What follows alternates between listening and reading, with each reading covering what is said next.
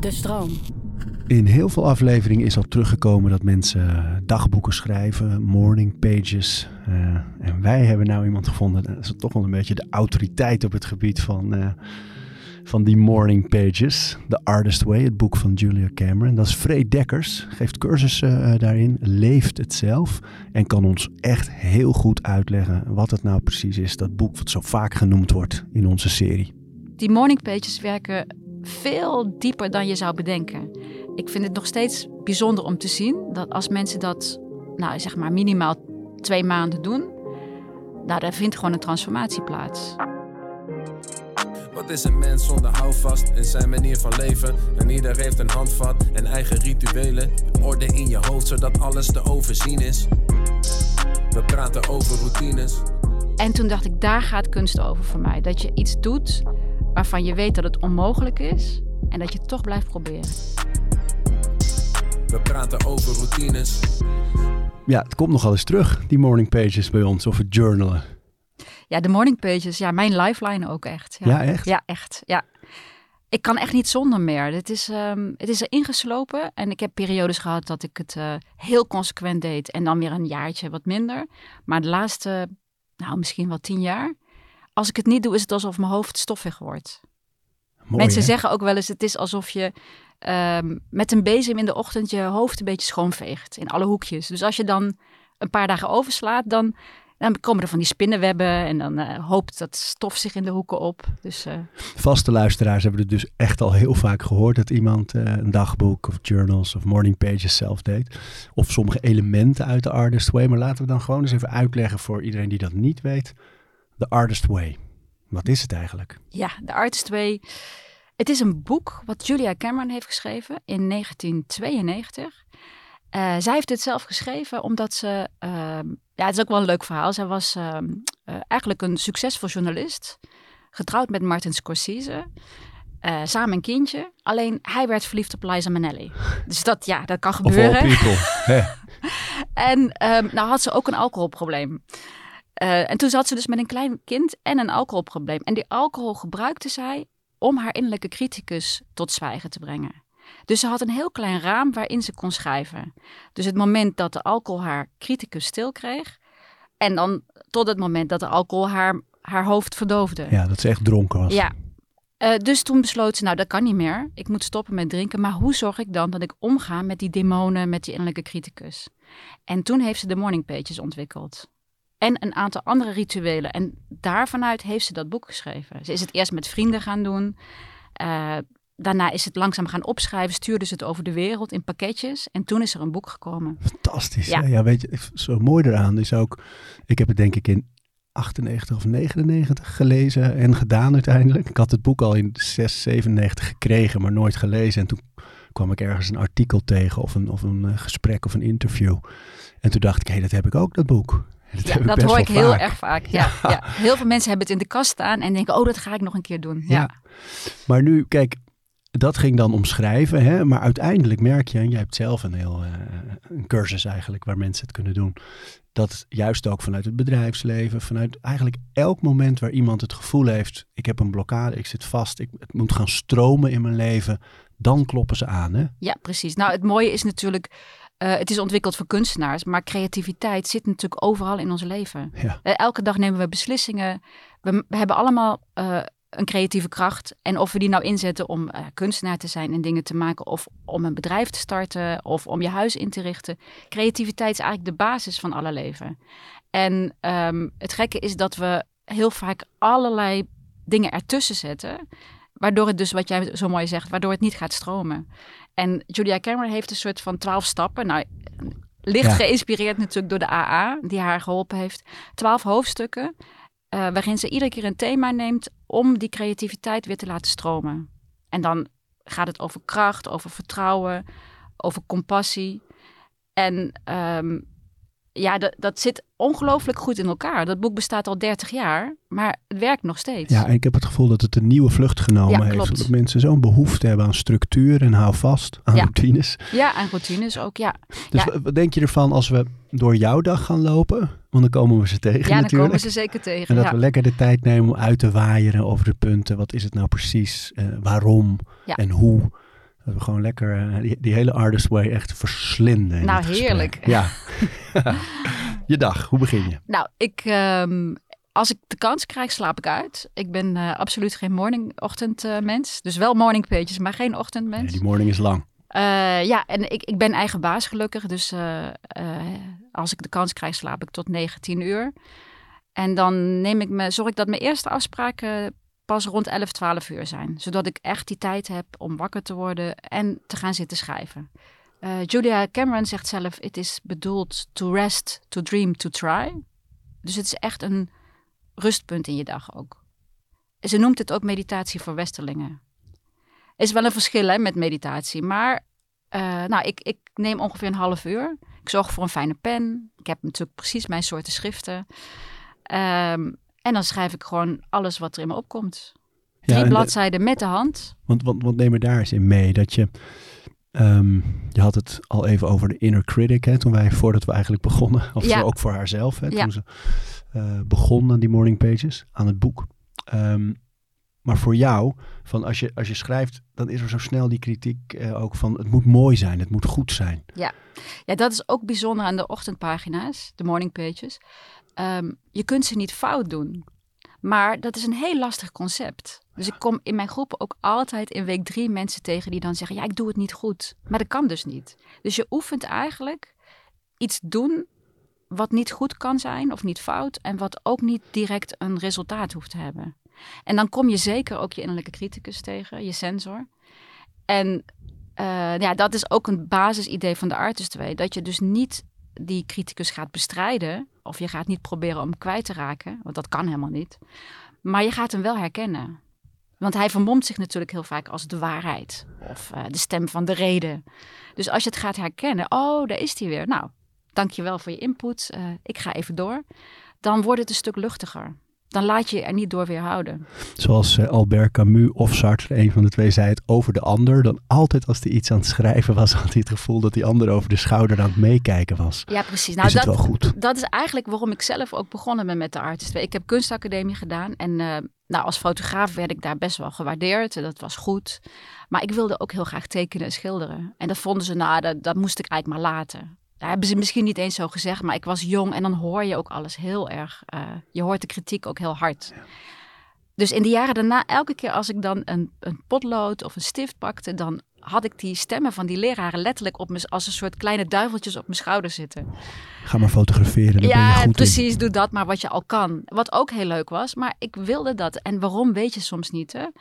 Dus ehm, dat was mijn... eh, toen ik de Artist 2 in handen kreeg en toen ik het begon te lezen, dacht ik meteen, dit gaat over mij. Ze beschrijft precies wat ik meemaak. Fantastisch als ja. dat met een boek gebeurt. Ja, Hè? geweldig. Ja. Maar even terug, want je hebt vaste schriften ook. Dus Ja, nee, ik heb inderdaad eh, eh, van alles geprobeerd. Maar voor mij, ik heb de Moleskin. eh, Oh ja, ja. Die zijn natuurlijk Klassiek. heel fijn. En dan liefst ook nog met een beetje zo'n dikke kaft. En ja, die zijn ook precies de goede formaat tussen A4 en A5 in. En zet je dan de datum erboven? Ja, ik zet de datum erboven. Meestal. Of soms zet ik alleen woensdag of zondag. Dus dan blader ik wel eens terug, denk wanneer was dit? Want er staat alleen maar maandag, dinsdag, woensdag.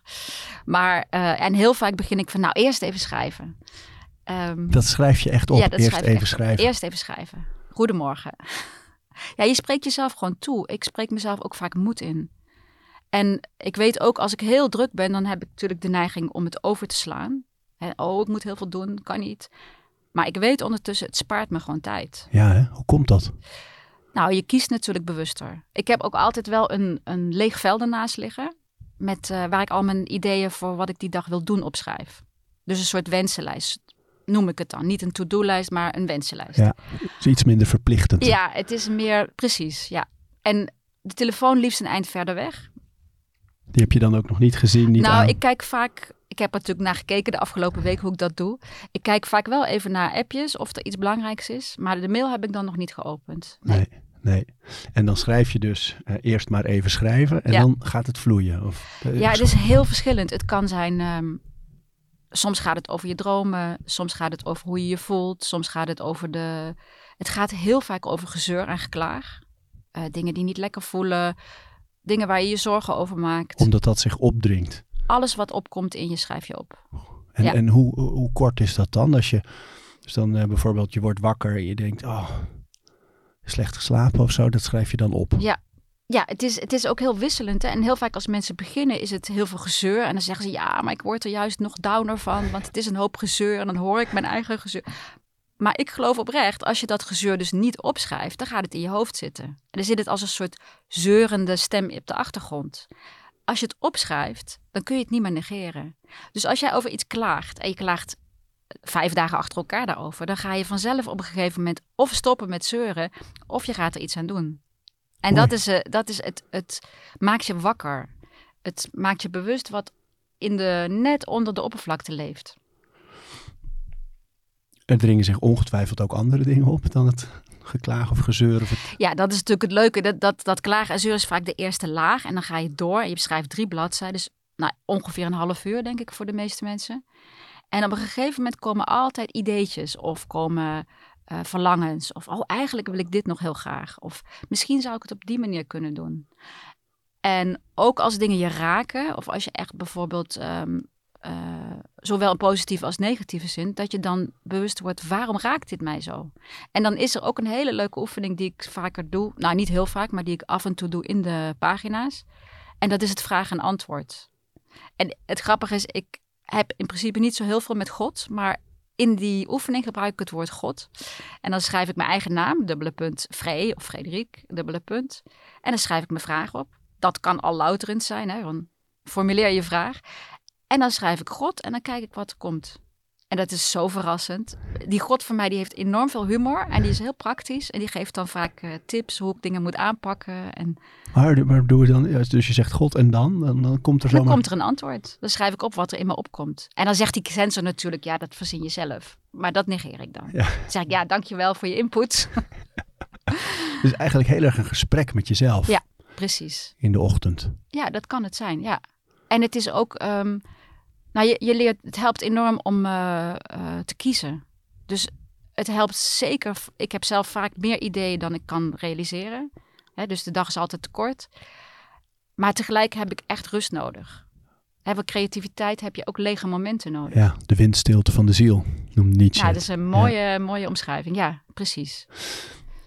Ehm, ik kan me voorstellen dat het lijkt namelijk op meditatie. Wat ik zelf bijvoorbeeld in de Mm. ochtend doe, is als ik mediteer, dan, dan ehm, dat is bij mij altijd met ademhaling. Maar dan luister ik ook naar de gedachten die zich opdringen. Dus wat zit er het eerst in mijn hoofd? Ik signaleer het, ik laat het als een wolkje voorbij drijven Ja. en dan komt de volgende. Ja. En eh, we hadden in deze podcast Mo Gaudat en die, die heeft zijn brein Becky genoemd. En die praat daar ook tegen. En dan komt er inderdaad zo'n negatieve of een klagende gedachte. Zegt ik, oké, ja, die weet ik nou wel. Volgende gedachte. En dat gebeurt dan ook echt. En het lijkt op die vorm van meditatie. Dat je even gesignaleerd, wat zit er in mijn hoofd? Wat, wat, wat zijn de gedachten waarmee ik wakker word? Maar die schrijf je dan op. In hoeverre is dat anders dan dat je het gewoon in je hoofd houdt? Nou, de, de overeenkomst is inderdaad dat je eh, waarneemt zonder te oordelen. Dat oefen je eigenlijk. En zonder meteen in te grijpen. Eh, het verschil voor mij, want ik mediteer ook vaak daarna.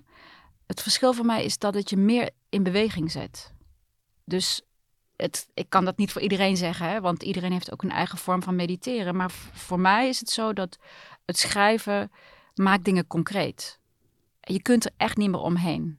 En het helpt heel erg om stappen te bedenken. En ook om te zien als ik dan stappen bedenk. Oh, wacht even. Dat is veel te veel voor een dag. Laat ik het doormidden. Hè? Nog een keer door de helft, nog een keer door de helft. Kleine stappen. En in die zin vind ik een groot verschil tussen meditatie en de ochtendpagina's. Dat het je eh, echt in beweging zet. Want je hebt dus die gedachten die eerst opkomen, die schrijf je op. En daarna ga je bijna over tot wat wil ik vandaag doen.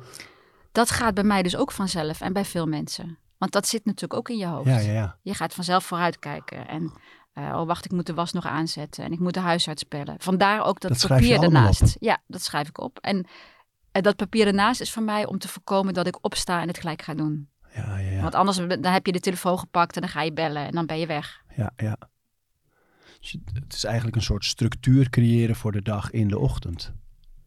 Of in je hoofd. Nou, voor mij is het meer niet zozeer structuur creëren, maar helder krijgen wat belangrijk is. Helder krijgen wat ik graag wil. En dat is dan concreet stapjes, maar ook bijvoorbeeld, eh, ik wil vandaag ontspannen zijn. Of eh, oh, dit, ik wil echt aandacht geven aan dit of dat. Want dan heb je bijvoorbeeld gevoeld, ik had niet zo'n hele goede nacht. Ik voel me Ja. moe, dus ik moet niet te veel willen vandaag. Dat is eigenlijk een...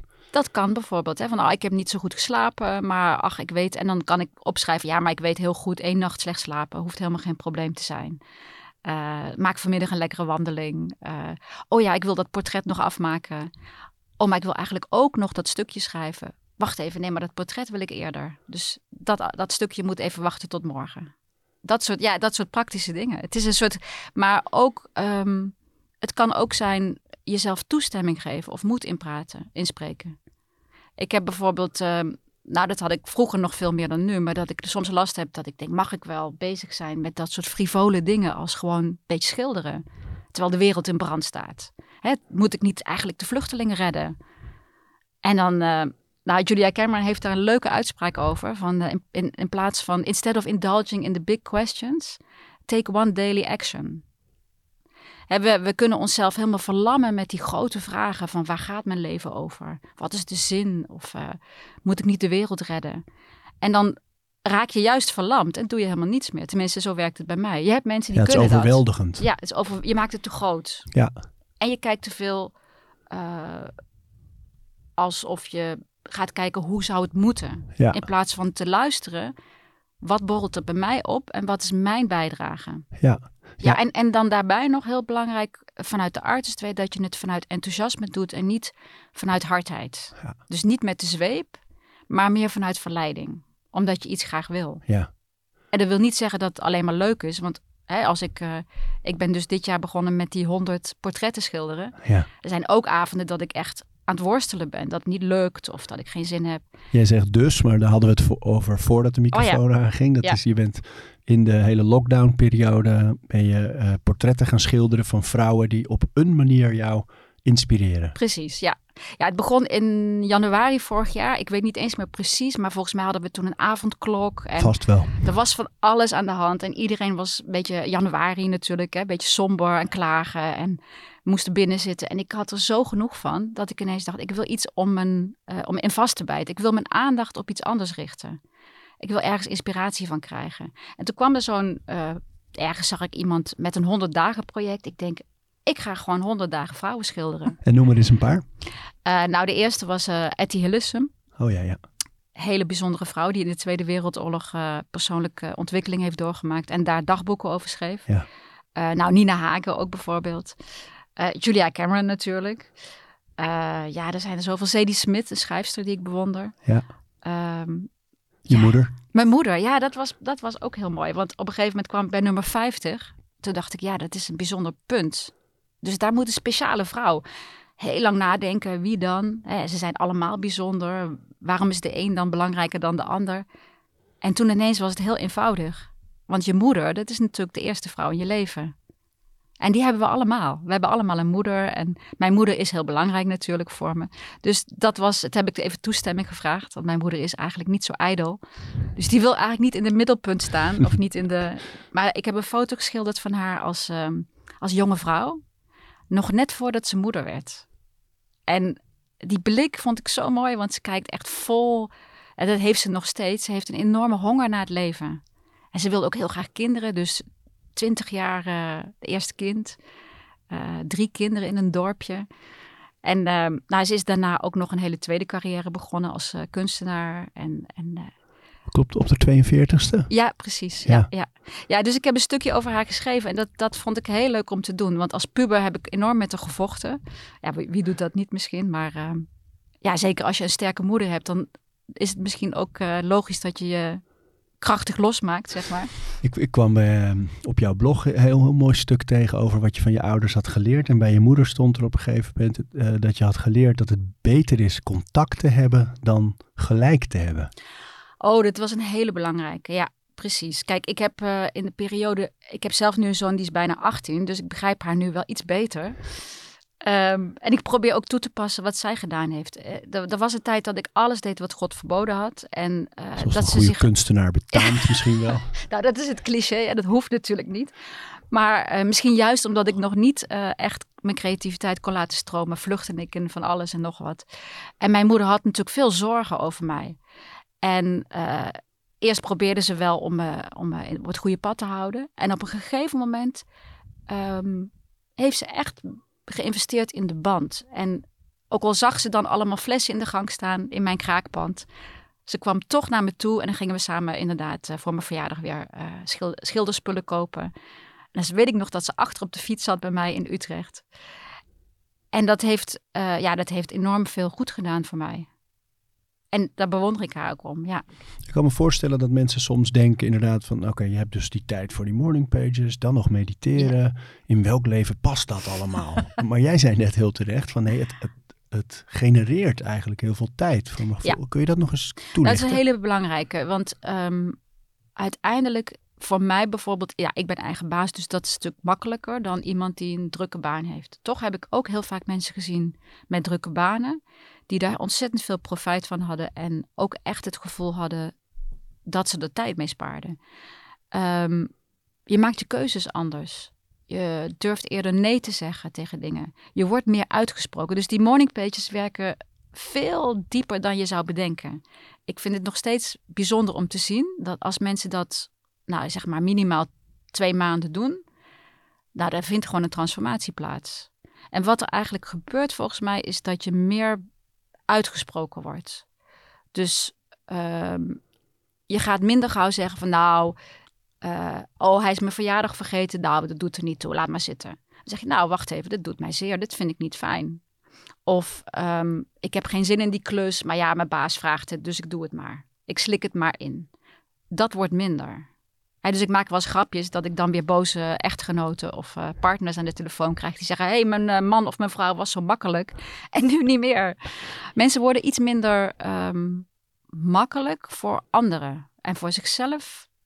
Ze nemen wat meer ruimte in. Ze worden meer uitgesproken. En uiteindelijk spaart dat tijd. Of in ieder geval, ja, tijd is ook iets heel raars natuurlijk, hè? Ja. Want op het moment dat je iets aan het maken bent, bijvoorbeeld, hè, als je aan het schilderen bent of ook zelfs met koken, of, dan verdwijnt de tijd. Of dan kom je in een ander soort tijdsbeleving. Ja. Dus doordat je uh, andere keuzes maakt, doordat je nee durft te zeggen, uh, spaar je dus tijd. Ja. En hoe komt dat dan? Dat, je zou denken, ja, je schrijft gewoon gedachten op.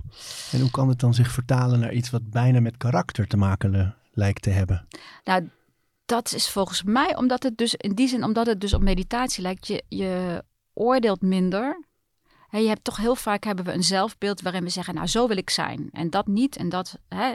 En, en dan hebben we natuurlijk nog de stem van de omgeving, van onze ouders of van onze vrienden of de maatschappij. En dan willen we ergens in een soort keurslijf passen. Een zelf opgelegd keurslijf vaak. En doordat je dat schrijven doet, uh, ga je dat zelfbeeld ook herzien. En ja, zoals ik het, ik zie het vrij beeldend. Ik zie het alsof er een onderstroom is waarin je ook heel veel weet. En je weet vaak veel meer dan je denkt. Dat vind ik ook het voordeel van de arts twee boven coaching of therapie. Ik doe wel veel coaching, vind ik ook heel leuk. Maar bij de arts twee vertel ik mensen nooit, uh, geef ik geen adviezen.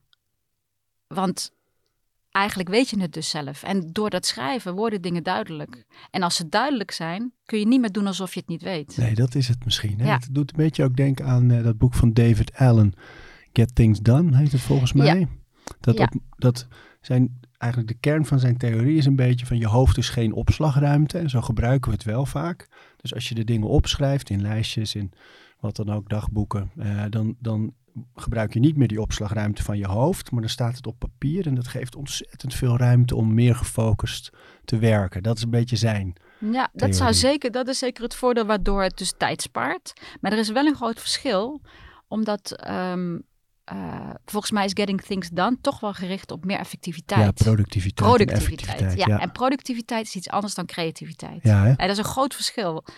Omdat... Maar heb je niet het gevoel dat veel mensen de artist way wel een beetje om die reden ook uit een kast trekken. Dat ze denken, ik wil, ik wil iets maken, ik wil meer kunnen doen, ik wil ruimte hebben. Ja, dat is waar. leven. Kijk, mensen denken ook soms dat ze daardoor nog meer gaan doen. Terwijl het volgens mij meer is dat je andere dingen gaat doen.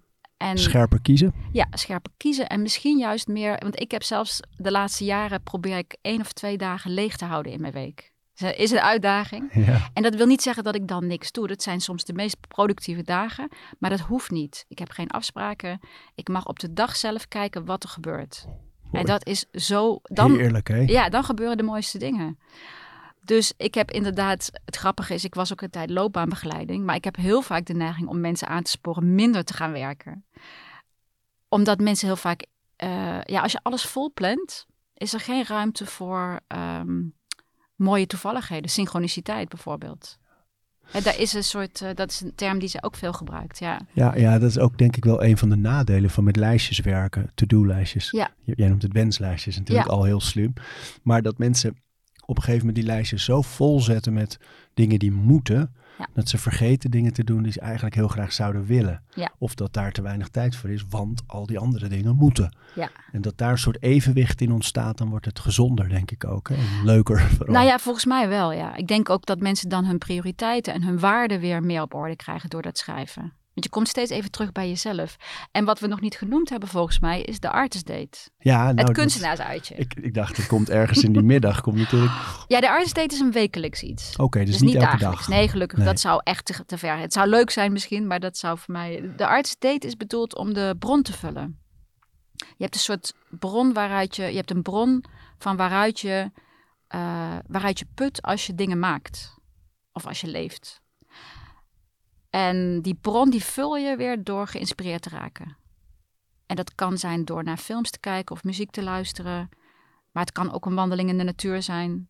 Het kan ook over de markt lopen en kruiden kopen. Het is alsof je even uit de productieve, drukke tijd stapt. En eh, ja, je neemt de tijd dat je even niet hoeft te haasten en dat je je zintuigen weer voedt. En je voedt het vaak met beelden. Dus naar een museum kan ook. Een museum, soort- ja precies. Ik noem die dingen misschien minder nu, omdat het op dit moment lastig is. Ja. Maar normaal zou je inderdaad een museum, een expositie, een concert. Maar het kan ook een boekenwinkel zijn waar je rondneust. Het kan ook een kringloopwinkel zijn.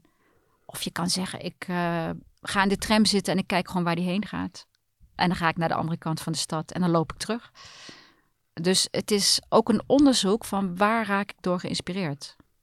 En kijken wordt dan heel belangrijk Ja. natuurlijk.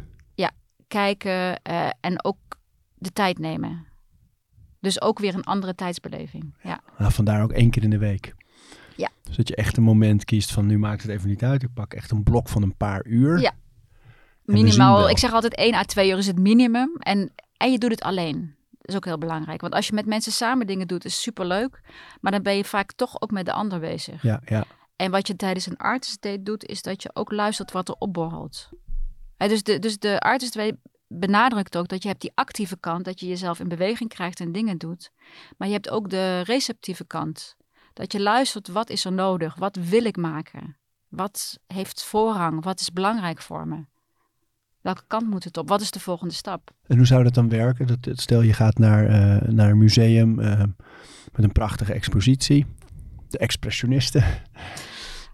Eh, nou ja, kijk, wat er gebeurt, dat is niet altijd één op één. En dat is ook belangrijk. Hè? Dus ook daar ben je weer niet bezig om het helemaal af te dwingen. De, de, het gaat niet om controle, het gaat dus echt om eh, het mysterie zoeken. Dus dan loop je door dat museum en misschien vind je er niks aan. Maar dan kom je ineens één schilderij tegen en dat raakt je gewoon in je hart. En dan ben je ontroerd.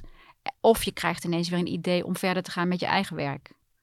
Of eh, je denkt, oh, wacht even, ik wil die en die nog bellen. Het maakt niet uit. Het is een... een eh, eh, ja, het gaat over ge- geïnspireerd raken, denk ik. En en je bron vullen met nieuwe beelden die misschien pas weer later bij elkaar komen. Want dat is ook vaak, hè, dat je achteraf pas denkt, oh, ik heb, ik heb bijvoorbeeld, ik schilder nu alles in blauw. En dan zeggen mensen, hoezo blauw? Dan denk ik, ja, hoezo blauw?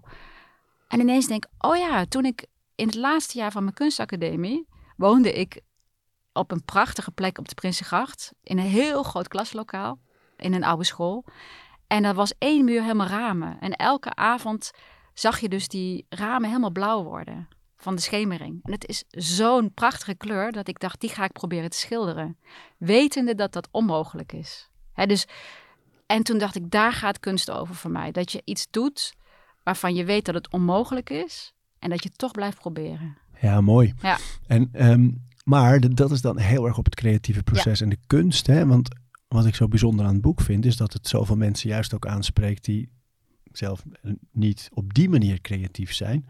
Maar kennelijk wel iets in dat boek vinden, bijvoorbeeld in het bedrijfsleven. Ja, zeker. Ja, ja. Dat ze denken, ja, maar ik heb hier echt veel aan. De Mensen hebben er, vinden er echt houvast in. Ja. Wat is dat dan? Ehm, nou, het is volgens mij een andere manier van jezelf aansturen. En ik geloof oprecht, kijk, je kunt. Ik was vroeger jaloers op mensen met veel discipline. Want ik heb daar zelf niet zo heel veel van. Maar ik zie nu ook dat als je puur op discipline vaart, dan op een gegeven moment wordt het hard. Dan kom je in een kramp. Ja, En wat dit boek doet, is dat je vanuit eh, enthousiasme dingen gaat doen. En dat betekent dat je dus dingen gaat doen waar je hart sneller van gaat kloppen. En dat is veel duurzamer, want dat geeft energie. En daar kan je steeds naar terug. Dus ook of je nou een bedrijf wil starten of eh, weet ik veel, je, je baan op een andere manier wil doen. Of soms gaat het om. Ik heb ook vaak eh, mensen die psycholoog zijn of eh, hulpverlener, omdat die zijn zo met anderen bezig. En die gaan weer terug naar ehm, wat wil ik zelf heel graag. En daar ruimte voor maken. Maar met bedrijven merk ik dat mensen dus veel meer lef krijgen door het boek. En Dus wat het- voor anderen ook fijner is. Dat de duidelijkheid is. Ja. Precies. Eerlijker. Ja, eerlijker vooral. En dat is niet altijd makkelijk, want eerlijker betekent dus ook dat je eerlijk bent in hoe groot moet je ambitie zijn. Niet iedereen hoeft de beste van de wereld te zijn, volgens mij. Hè, dus ehm, als je eerlijk bent, dan uh, je hebt vaak een idee over. Ik, toen ik loopbaanbegeleiding deed vroeger, wilde iedereen een uh, bed and breakfast in Frankrijk of een boekwinkel. Maar er zijn maar heel weinig mensen die dat echt willen. Het is vaak een idee. Dus eerlijk zijn betekent dat je je ideeën ook onderzoekt op He, heb ik het er echt voor over? Uh, gaat mijn hart echt sneller van kloppen en ga ik niet stoppen bij de eerste hobbel? Ja, dat is het misschien ook wel. Hè? Dat je met, als je met dat soort ambities of ideeën leeft, dat het kan heel veel ruimte opnemen, terwijl het nooit concreet wordt. Ja, en dat kost heel veel energie. Ja. Ja, ja. ja en, en dat is inderdaad uh, uh, mensen die bijvoorbeeld een boek willen schrijven, ja. die heb je ook veel. En uh, het gebeurt dat mensen dan het boek echt gaan schrijven. Maar het kan ook gebeuren dat mensen bijvoorbeeld ontdekken: oh, wacht even, ik wil gewoon een blog schrijven. En dat is eigenlijk genoeg. Of um, ik had een jongen die, was, uh, die had een hele leuke baan, eigenlijk zijn droombaan bij de televisie, maar hij, hij was heel ongelukkig. En tijdens uh, de artsweek kwam op een gegeven moment zijn 14-jarige, want je schrijft soms een brief aan jezelf vanuit je kindertijd of vanuit de toekomst. En bij hem kwam een 14-jarige die zei: Weet je nog, ik maakte altijd uh, radioprogramma's. En ik schreef gedichten. En toen is hij dus naast zijn baan is hij gedichten gaan schrijven en hij is uh, cabaret gaan doen. En dat, nou, dat had hij nooit bedacht. En dat cabaret is ook niet per se dat hij nou uh, heel groot wil worden. Hij doet het in kleine zaaltjes soms, maar ook soms in de huiskamer van mensen. Hij schrijft gedichten. En ineens was zijn baan ook weer leuk. Dus het hoeft inderdaad. Um, soms maken we het veel te groot in ons hoofd. Terwijl uh, als we beginnen, dan komt het ergens. En dat, ik heb zelf ook het idee, als er maar uh, drie mensen zijn die geraakt worden door wat je maakt, is het ook al genoeg. En waar zit in die, in die Artist Way dat moment dat je dat gaat onderzoeken van wat wil ik nou eigenlijk echt zelf? Want ik, we hebben dus die morning pages mm -hmm. waar je gewoon al die gedachten maar eigenlijk op papier zet. Ja, maar daar komt het ook al. Hè? Want in de morning pages maak je die verbinding. Ik zie het alsof je de verbinding met jezelf maakt en ook met je onbewuste. Dus door het schrijven ontstaat het. Door de artist dates ontdek je ook weer wat belangrijk is, waar je blij van wordt. Um, en het zijn voor mijn gevoel drie gebieden in het boek. Dus je begint heel erg met waar word ik blij van? Wat vind ik fijn? Wat heb ik nodig ook? Hè? Wat, wat is belangrijk? Wat zijn belangrijke rituelen voor ja, mij? Ja. Uh, daarnaast ga je onderzoeken wat zijn beperkingen. Ook heel belangrijk, want ja, je kunt het negeren, maar dan gaat het onder de tafel en dan gaat het ondergronds uh, een rol spelen. Dus het herkennen van die criticus, het herkennen van belemmerende overtuigingen, uh, het zien hoe je jezelf dwars zit door bijvoorbeeld ook um, uh, verkeerde vrienden of verkeerde gewoontes. En niemand is verkeerd natuurlijk, maar soms... Dingen kunnen wel obstakels vormen. Precies, mensen ja, kunnen je, je afleiden. Je telefoon kan je afleiden. Dus je wordt je bewust van hoe je jezelf tegenhoudt. En niet zozeer dat je daar heel erg tegenin gaat, maar dat je het ziet. En het derde gebied gaat over hoe zet je jezelf dan in beweging. Dus hoe zet je die dromen, die grote dromen, om in kleine stapjes. En die drie gebieden komen door het hele boek steeds terug. Maar het is wel zo dat het begin meer gericht is op de, de wensen en de verlangens en de dromen. En de criticus en de belemmeringen. En dan geleidelijk gaat het steeds meer naar hoe vertaal je dit nou naar dagelijkse stapjes. Ja, dat is zo mooi. Ja. Het Ja, dat is kan een magische heel opbouw. confronterend zijn. Ja. Dat je, je hoort wel eens dat mensen dan bijvoorbeeld in kaart moeten brengen van wat zijn nou de dingen die je het allerleukst vindt om, de, om te doen. En dan de dingen die je sowieso veel doet. En dat zet je allemaal op een lijst. En dan ga je de tijd toebedelen. Dus van oké, die dingen die ik het allerleukst vind in te Ja. doen, die doe ik één keer in de maand. Ja. En die dingen die ik moi vind, die, daar vul ik mijn hele dag mee. Ik ben vooral bezig met afspraken voor anderen. En het kan heel confronterend te zijn om, zijn om te zien dat je eigenlijk niet zoveel tijd besteedt aan wat je echt leuk Ja. vindt. En heel veel tijd aan dingen die moeten of die je voor anderen doet. Ja, en dat zie je heel veel. Van, ja. en, en kijk, soms kan het niet anders dat je dingen moet doen. Maar dat is ook niet altijd waar. Hè, dus dat is vaak ook het onderzoek. Mensen denken, ja, ik moet dit, ik moet dat. En er is vaak veel meer ruimte dan je denkt. Ja? En dat is inderdaad het onderzoek. En dat is ook de kleine. Ze begint ook vaak van. Neem begin met kleine stukjes tijd te veroveren. Hè, in plaats van dat je in je middagpauze eh, je mail nog even bijwerkt of op Facebook gaat zitten, ga je in die middagpauze een wandeling maken. Of ga je even naar de boekwinkel. Of eh, luister je naar een muziekje en ga je even dansen. En dat verandert gelijk je hele dag. ja hè? Ja. En waar komt dat door? Eh, ja, ik denk ook wel om uit je gewone doen te stappen. Hè, dus dat is ook wat zij stimuleert. En ik vind het zelf ook heel belangrijk om steeds weer nieuwe dingen te leren. Dus eh, mensen dachten wel eens dat ik dat doe omdat ik denk dat ik nog niet goed genoeg ben. Maar het is gewoon het plezier van iets nieuws leren en ook weer leerling zijn, waardoor je wakker wordt. Ze heeft ook trouwens een week, in week vier, dat je een hele week niet leest. en dan schrikken mensen altijd. Ja. Oh, niet lezen. Dan zegt ze ook, als ik dat vertel, dan ben ik de vijand die dag, Ja. weet je wel. En ehm, dat betekent dus ook minimaal internet. Natuurlijk, wat je echt moet doen, doe je. Maar meestal doen we veel meer dan we moeten. Hè. We hoeven geen twintig keer per dag die mail te checken. Dus dan kan je dan afspraken maken met jezelf. Nou, twee keer per dag de mail. Geen kranten, geen radio, geen televisie. Eén week. En dan denken mensen, ja, dat kan niet. Maar dat kan natuurlijk heel goed. En het is een beetje een soort vakantie in je eigen leven. Hè, want als je op reis gaat, dan kan je dat vaak wel. Ja, En dan word je dus en bewust van de gewoontes die je hebt. Dat je ineens weer je hand ergens heen wil gaan naar die telefoon die er niet is. Maar ook komen er kleine stukjes lege tijd. En wat ga je dan doen? Dan ga je misschien vervelen. Maar verveling is ook vaak een opstapje naar eh, dingen maken. mooi zeg. Ja. Deze aflevering van Overroutines wordt aangeboden door Squarespace. Een alles-in-één platform waar je je eigen website kunt bouwen en beheren. Het maakt niet uit of je producten, diensten of je passie met de wereld wil delen. Het kan allemaal bij Squarespace. Ik noem even kort drie handige functies van het platform. Met het ontwerpsysteem kan je makkelijk je website vormgeven en het helemaal eigen maken. Squarespace analyseert hoe je website presteert en wat er voor nodig is om je bedrijf online verder te laten groeien. En ook kan je abonnementen en exclusieve content aanbieden aan betalende leden. Start nu je gratis proefperiode via squarespace.com/overroutines. En ben je klaar om je website echt te lanceren? Gebruik dan de code overroutines. Dan krijg je 10% korting op je eerste aankoop van een website of domein. En zo deelt ze dat boek dus eigenlijk in, in, in een soort opdrachten. Is het per week? Ja, je hebt elke week een hoofdstuk dat je leest. En aan het eind van elke week heb je dan een aantal schrijfopdrachten. Of en dat zijn twaalf weken. Het zijn twaalf weken, ja. Ik wil- wil je niet vragen om alle twaalf van die, die weken. Dat- Dat lijkt me eh, veel. Maar in grote stappen. eh, Ik heb nu in mijn hoofd die morning pages, dat is elke dag. Ja. De artist date. Dus dat je jezelf voedt. De, de, de bron weer vult met dingen die je inspireren. Dat is één keer in de week. Mhm. Maar er zijn nog veel meer stappen dus. Wat ze doet is dus, eh, ze neemt thema's van je kracht terugvinden, je compassie terugvinden. Bijvoorbeeld eh, kunstenaars, geblokkeerde kunstenaars zijn niet lui, maar angstig. Ehm, verbinding terugvinden. Dus elk hoofdstuk heeft een thema. En eh, de schrijfopdrachten, dat zijn ook eh, heel veel dingen die steeds terugkomen. Dus je onderzoekt je sensor, je criticus. En het is best wel. Uh, het leuke vind ik dat ze vaak um, zelfspot heel erg stimuleert. Dus bij de criticus maak je een cartoon van je criticus.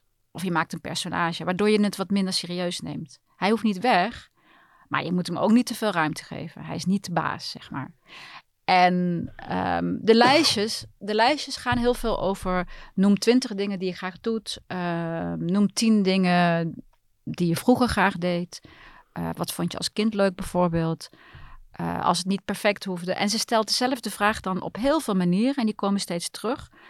En ook daarbij schrijf je vooral niet, je gaat niet te veel nadenken. Ze zegt ook speed kills the sensor. Dus je schrijft gewoon in twee minuten op wat er opkomt.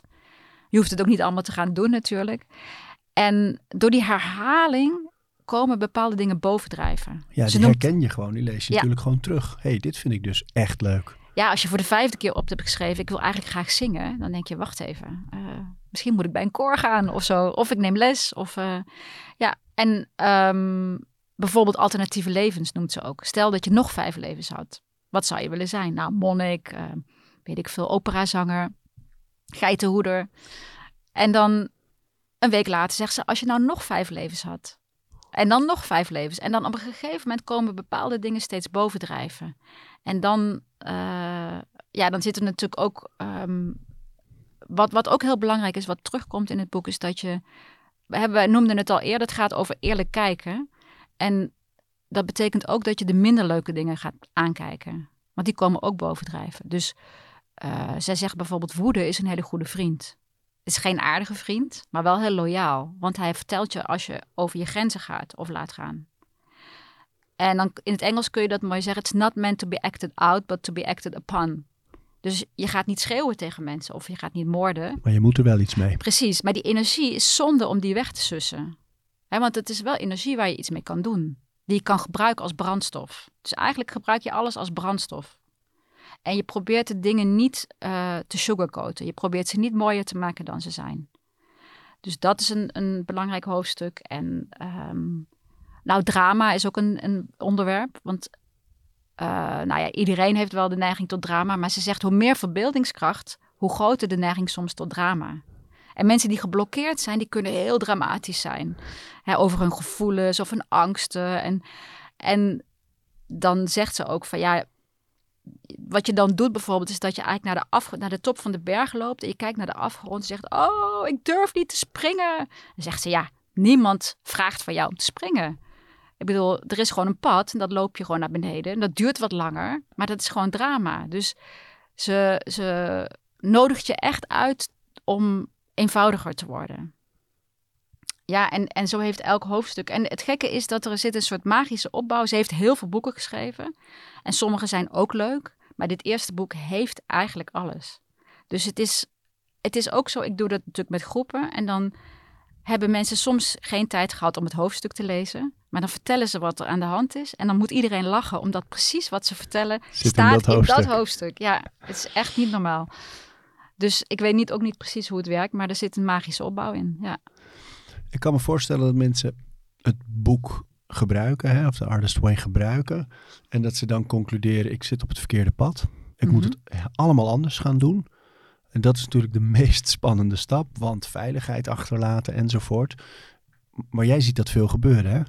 Ja, maar het is meestal niet alles in één keer anders doen. Het gaat veel geleidelijker. Dat is eigenlijk ook weer drama. Dus dat is heel vaak wat mensen denken. Oh, dan moet ik alles achter me verbranden. En dan moet ik alles mijn baan opzeggen. En ik moet naar. Uh, ik heb zelfs met een vriendin de afspraak als we dat soort grote gedachten hebben, dan gaan we met elkaar bellen en even checken: ben je moe? Moet je niet een dutje doen eerst? Want eigenlijk is het meestal onzin. Meestal gaat het om kleine stappen. dus als je vastzit in een baan die niet goed is en je beseft dat, ja, dan moet je op een gegeven moment wat doen. Maar dat begint er misschien mee dat je een dag minder gaat werken. Of dat je heel helder krijgt, wat bevalt me niet. En zoals met die jongen die ik straks zei, die, die bij hem bleek dat de baan het probleem niet was, maar de tijd daarnaast. En nou ja, soms moet je eerst inderdaad nee zeggen. Of soms is het belangrijk om eerst nee te zeggen. Voordat je weer kunt voelen wat wel. dus ik heb inderdaad ook wel mensen die uh, die sprong moeten wagen. En het is natuurlijk altijd spannend. Maar ik denk uh, belangrijke beslissingen en creatieve processen. Die zijn ook spannend. Maar daardoor voel je je ook levendig. Het is natuurlijk belangrijk dat je het niet te groot doet. Dus als je alles op losse schroeven zet, dan uh, verlam je, dan verkramp je weer. Maar als je nooit geen risico's durft te nemen, of als je geen risico's neemt, geen dingen doet die spannend zijn, dan ben je niet meer levendig. Waarom dacht jij zelf eigenlijk toen je het las in uh, 96? Ja. Ehm, dit gaat over mij. Nou, dat was eigenlijk nog een jaar eerder, maar toen ben ik het nog niet gaan doen. Het, was ik, uh, nou, het ging echt uh, over mij in de zin dat ik uh, heel veel last had van die stemmen. En heel veel ideeën over hoe het zou moeten zijn. Of hoe ik zou moeten zijn. Dus bijvoorbeeld, um, ik had een soort idee dat als je kunstenaar was, dan moest je eigenlijk fluitend elke dag beginnen zonder enige moeite. En dat is natuurlijk voor de meeste mensen onzin, want dingen zijn niet altijd leuk. En ik had dus heel veel last van uh, die leraren die, die in mijn nek hijgden. Van is het wel kunst en welke stroming dan? En uh, dat, daar had ik geen antwoord op. Dus ik raakte verkrampt, ik raakte verlamd. En dat beschrijft zij heel mooi. Hoe je, en ik was heel hard voor mezelf. Dus ik zat heel vaak heel naar, uh, heel negatief te doen. Proberen mezelf voor te drijven als een soort slavendrijver. En het werkt niet. Je kan heel hard duwen en dan ga je een stukje die kant op. Maar dan, ik heb ook een hele sterke rebel van binnen. Dus die komt dan op een ander moment en die gaat het dan gewoon weer uh, omvergooien. Dus uh, ja, dat, dat heb ik echt geleerd. Het is meer geleidelijk en meer vanuit vriendelijkheid. He, je brengt jezelf wel in beweging en meer vanuit commitment. Dus je houdt jezelf wel aan je afspraken, maar omdat je dat wil en niet omdat het moet. Dus dat is een, het, het kan er hetzelfde uitzien, maar het is een heel ander gevoel. Ja, want, want ligt dat nog eens verder toe? Dat is een vorm van toewijding dan natuurlijk. Ja. Waar we in onze samenleving, in onze tijd, heel veel druk op onszelf zetten. Van wat we allemaal wel niet willen nog. Ja. Er is ook zoveel uh, Ja. te doen en te kiezen. Maar wat is dan het verschil tussen dat je echt, echt ontdekt van nee, maar dit wil ik heel graag. Het is niet dat het moet, maar ik wil het zo graag. Ja, dat is denk ik wel een zoektocht. En dat blijft ook denk ik een zoektocht je hele leven. Omdat het ook kan veranderen. Um, maar ik denk dat je dat gaat herkennen in jezelf. Dus dat is ook het schrijven. Ja, dan kom ik weer bij het schrijven. Het is wel... Uh, um, wat ik wel ook zie bij jonge mensen, wat ik lastig, wa waar ze veel last van hebben, is het idee dat het allemaal leuk moet zijn en dat ze geluk nastreven. Ja, ja, ja. En geluk is meer een soort bijproduct. Hè? Dat is eigenlijk iets, ja, een soort genade die je af en toe toevalt of zo.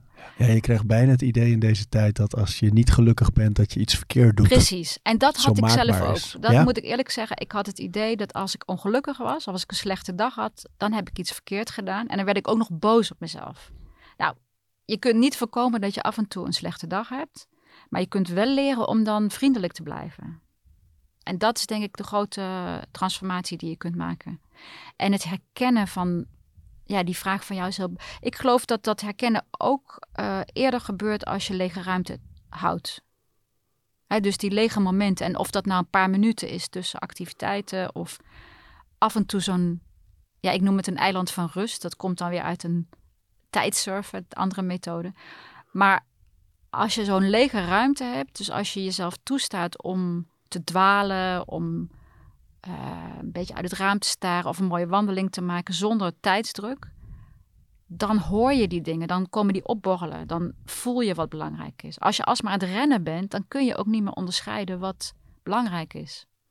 Terwijl dat deze tijd is, hè. Er is zoveel, uh, zoveel te doen, zoveel vormen van afleiding en ruis en druk vooral ook. Ja, ja.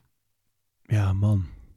Ja, dus in die zin is het. Uh, ik herinner me ook zo'n beeld van uh, de VPRO. Had bij tegenlicht een keer Ricardo Sembler. Dat is een soort management guru.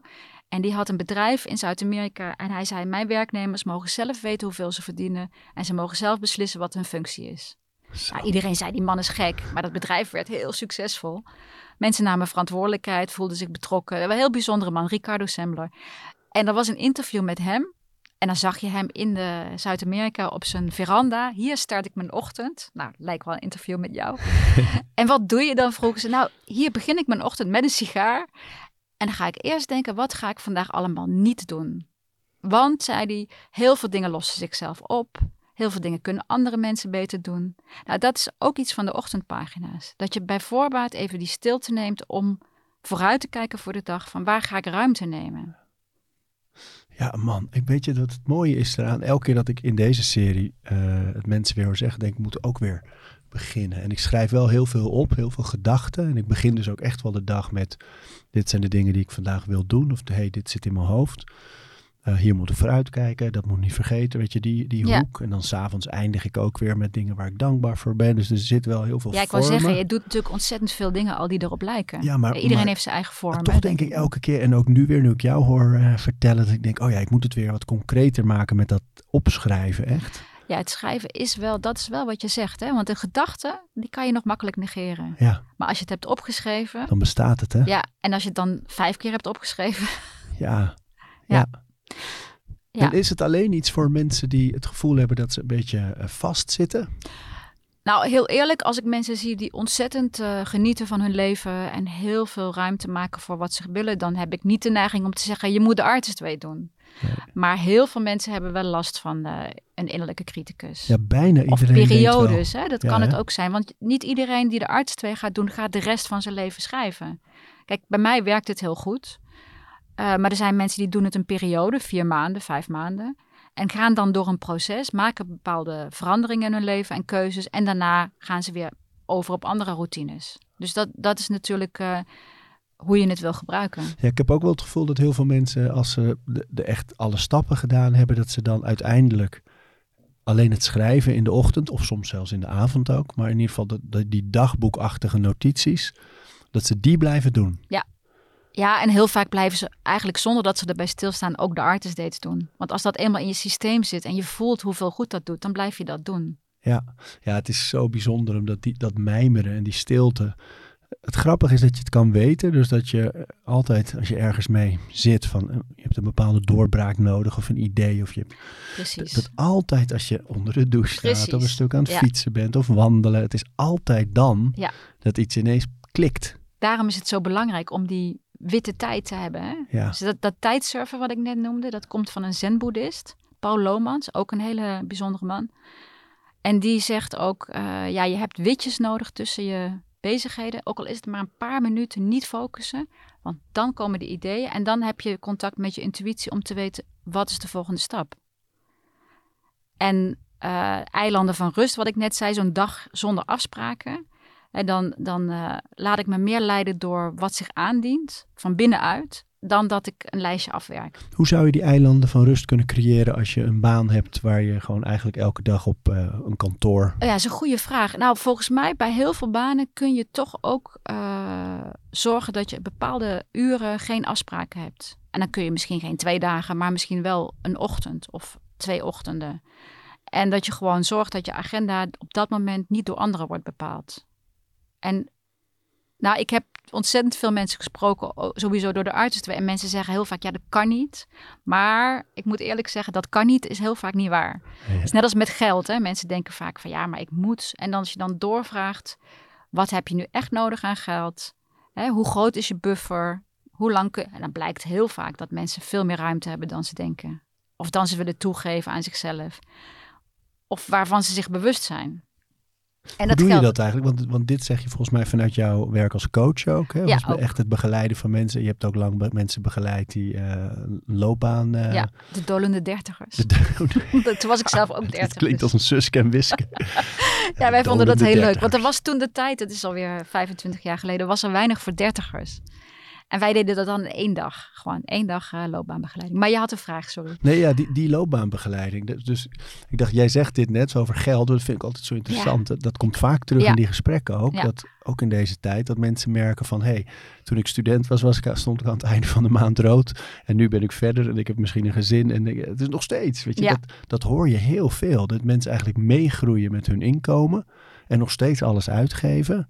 En maar het gevoel hebben dat dat niet anders kan. Ja. En daardoor dus ook vastzitten op Ja. een bepaald pad. Nou, Julia Cameron van de Arts 2, zij zegt: geld is nooit de echte blokkade als je iets wil doen. En daar geloof ik ook oprecht. Dus eh, er is een hoofdstuk ook over geld en over overvloed. En dan raadt ze mensen aan om een maand of een paar weken bij te houden wat ze uitgeven. En niet zozeer vanuit een eh, controle, maar meer om je bewust te worden van klopt Ja. dit met mijn waarden? Geef ik het geld uit aan de dingen die voor mij echt waardevol zijn? En ehm, ja, dus daardoor word je alweer bewust. Ik herinner me toen ik dat voor het eerst deed. Nou, ik had niet heel veel geld, maar ik weet nog wel in, in 1998 of 96 dat ik vaker geld uitgaf aan koffietjes. Maar als ik dan een boek wilde kopen, dan dacht ik, oh nee, dat is een tientje. En ineens dacht ik, ja, maar wacht even, dat koffietje is in twee minuten twee op. En dat boek, daar kan ik inderdaad eh, gewoon veel... Ja, dus dat soort kleine dat beslissingen. Ja, Dat doet denken aan wat, eh, wat Ernst-Jan Fout in de serie zei. Die, eh, aan de hand van het boek van eh, Rick Pastoor, Grip. Ja. Die, die vraagt ook of je van die lijstjes wil maken om dan te vergelijken inderdaad. Dus dit zijn de dingen waar ik mijn geld uitgeef.